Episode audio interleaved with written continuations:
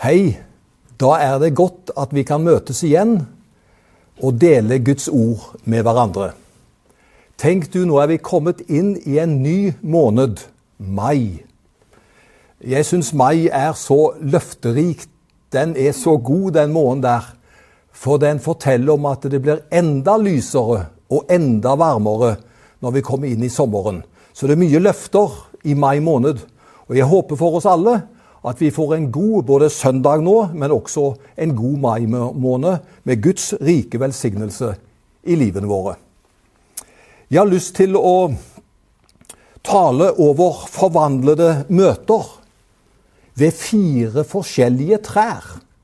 Og da kan du tenke hva skal jeg si til forvandlede møter ved fire forskjellige trær? Jo, jeg skal snart komme tilbake til det. Men Jesus han brukte lignelser da han talte, for at folk skulle forstå det han sa. Det kan være godt nemlig å ha noen knagger å henge kunnskapen på.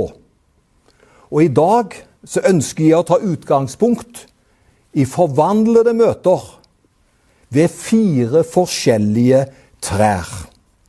Hver av hendelsene kan vi forholde oss til, for de forteller om menneskets forhold til Gud. Felles for eksemplene som jeg skal nevne i tur og orden, er at Gud ser oss. Så ta det med i tankene når du hører Guds ord i dag.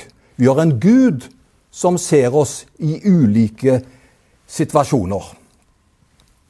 For noen dager siden så fikk jeg tilsendt en gammel tale som pastor Oddmar Tufte holdt i Misjonskirka.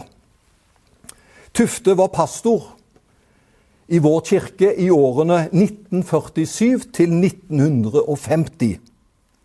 Og den talen som jeg fikk tilsendt av barnebarnet, som er godt voksen, men han er hans barnebarn Talen kalte bestefar for De fire trær. Og jeg må si jeg ble inspirert av talen, og vil dele noen tanker med deg i dag.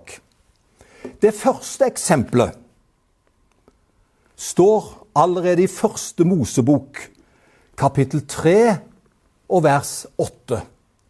Det er Adam og Eva som skjønner de har gjort noe galt. Og så står det de gjemte seg mellom trærne. Og det første møtet er altså en mann mellom trærne. Adam og Eva prøvde å gjemme seg, og det er vel så typisk. Når vi har gjort noe galt, så er det lett for oss å trekke oss unna.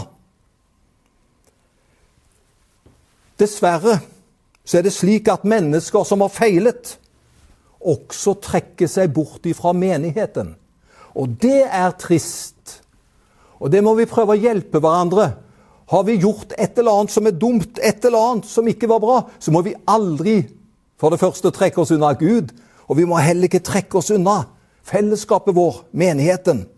For vi er til for å hjelpe hverandre og støtte hverandre. Men det er jo ille om tilliten og nærheten til Gud blir borte. Vi lever i en tid der det dessverre ikke er så uvanlig med ansvarsfraskrivelse. Jeg vet ikke om du har hørt det, jeg har hørt det mange ganger. Det var din skyld at det og det skjedde. Adam skyldte på Eva. Og noen skylder også på Gud om livet blir vanskelig. Men det kommer lite godt ut av å skylde på andre. Det står at Adam og Eva gjemte seg mellom trærne. Men Gud så dem og hjalp dem videre til tross for deres fall. Og slik er Gud. Og så er det godt å understreke også at eh, vi kan ikke flykte eller gjemme oss fra Gud. I Salme 139, vers 7-10, så står det noe vakkert. At ingen av oss kan reise eller komme så langt bort at ikke Gud er der. Enten vi er ved dødsrikets port eller vi er høyt oppe i, oppe i himmellaget, så er Guds arm der. Han ser oss og vet om oss. Vi kan heldigvis ikke trekke oss unna Gud. Han ser oss, og han ser oss heldigvis når vi vandrer, for å bruke dette bildet, mellom trærne. Det andre treet som jeg vil understreke, det står i Johannes evangelium kapittel 1 og vers 48. Der står det det er en mann under et tre.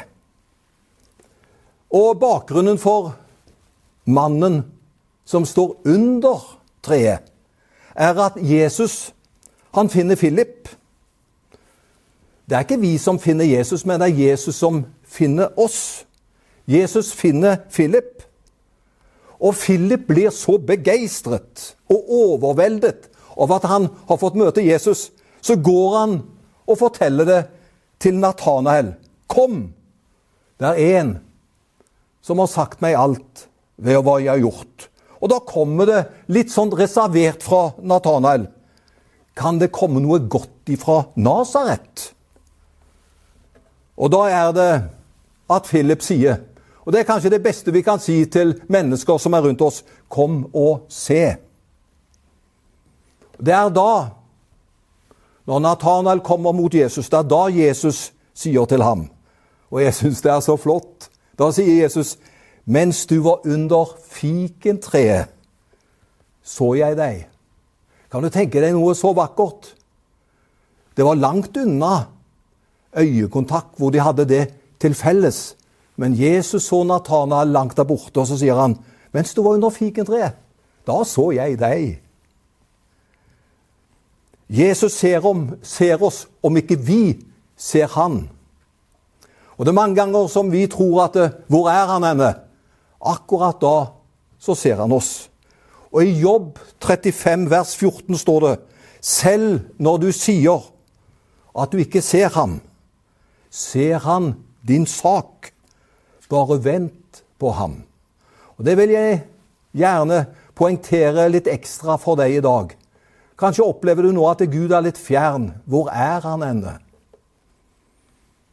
Selv når du sier at du ikke ser ham, ser han din sak. Bare vent på ham. Nathanael ante ikke at Jesus så ham.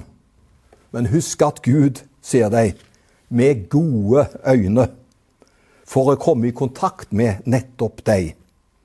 Og så står det til slutt da i det kapitlet at han skulle få se større ting enn disse. Nathanael skulle få se enda større ting. Det er en forventning i dette. Og det å se Jesus og bli sett av han og følge han, der ligger det noe enda bedre der framme, langs livsveien. Det tredje treet eh, som jeg vil si litt om Det første var mannen mellom trærne. Og så har jeg akkurat blitt ferdig med han under treet, som Jesus så. Og det tredje eksempelet ved treet, det står det om i Lukas 19, vers 4. Det er Sakkeus. Så står det om han. Det er en mann opp i et tre. Han klatret opp. Den rike overtolleren hadde frynsete rulleblad. Han utnyttet så mange og var så mektig upopulært blant innbyggerne. Men også han hadde en gudslengsel. Det er veldig lett for oss å plassere folk at eh, han lever det og det livet, derfor har han nok ingen interesse for Gud. Men vi skal ikke være så snar å si det. Det var kanskje ingen som trodde at Sakkeus tenkte på det himmelske. Men han, av alle, hadde også en gudslengsel. Skjønt han måtte kamuflere det ved å gjemme seg opp i et tre. Men Jesu blikk når han. Sakkeus, skynd deg og kom ned, for i dag må jeg ta inn i ditt hus. Og det møtet den dagen fikk konsekvenser i den rike overtollerens liv. Det som reddet Sakkeus, var den lengselen som han hadde efter å se og høre ifra Jesus. Og det er en lengsel som Gud ikke kan motstå. For han lengter efter å komme i kontakt med oss. Og jeg tror faktisk at mange mennesker, langt flere enn det vi tror, lengter efter kontakt med Gud. Jeg vet det var mange som var med på gudstjenesten forrige søndag.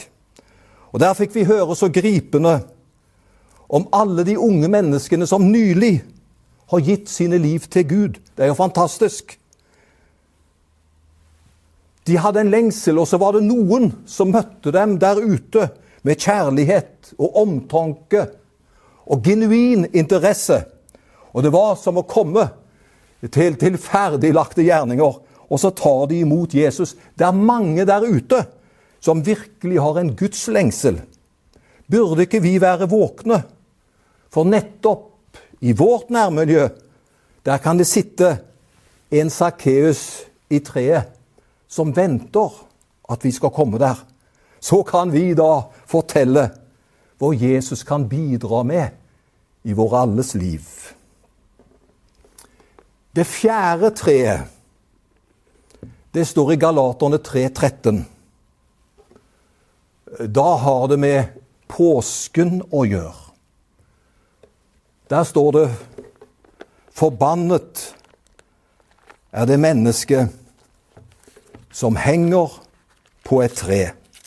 Jeg skal lese verset, Galaterne 3, vers 13.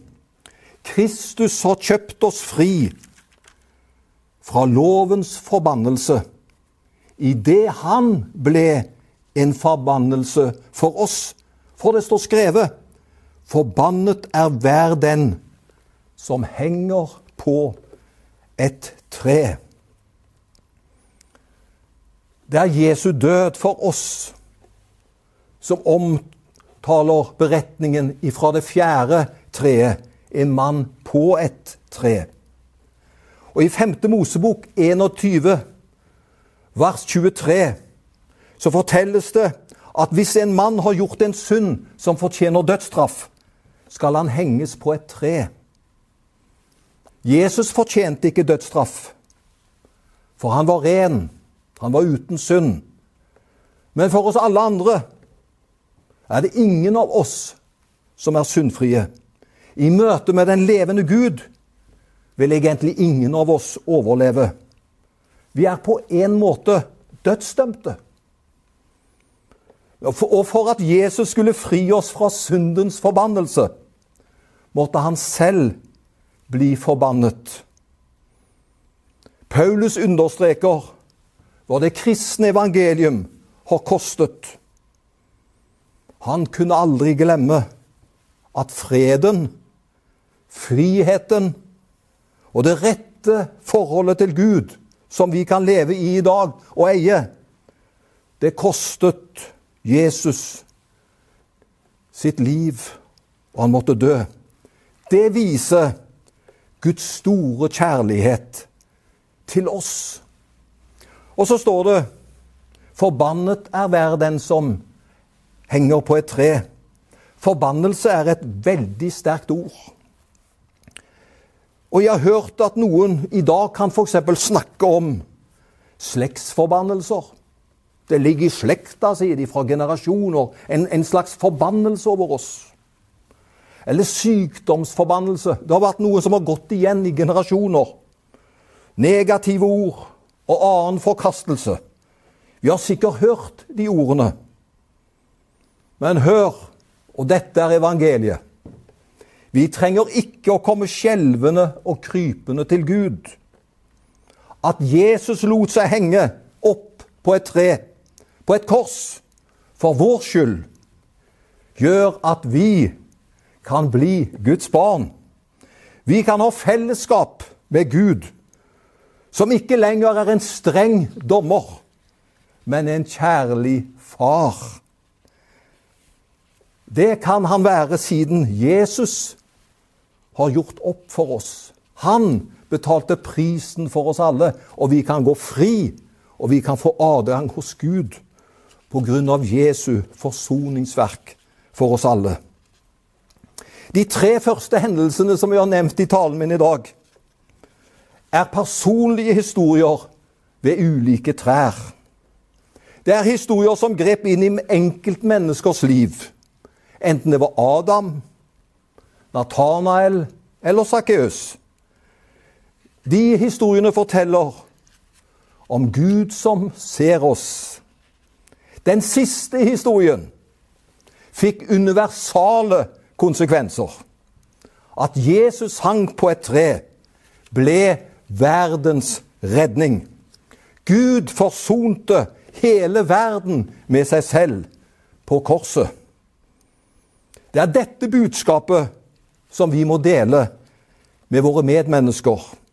Og jeg siterer fra Skriften så er vi da ambassadører for Kristus, som om Gud selv inderlig formaner ved oss. Vi ber på Kristi vegne. La dere forlike med Gud. La oss hjelpe de mennesker som vi møter, til å komme i fellesskap med Gud, så de kan få fred med ham. Gud ser oss. Gud ser deg.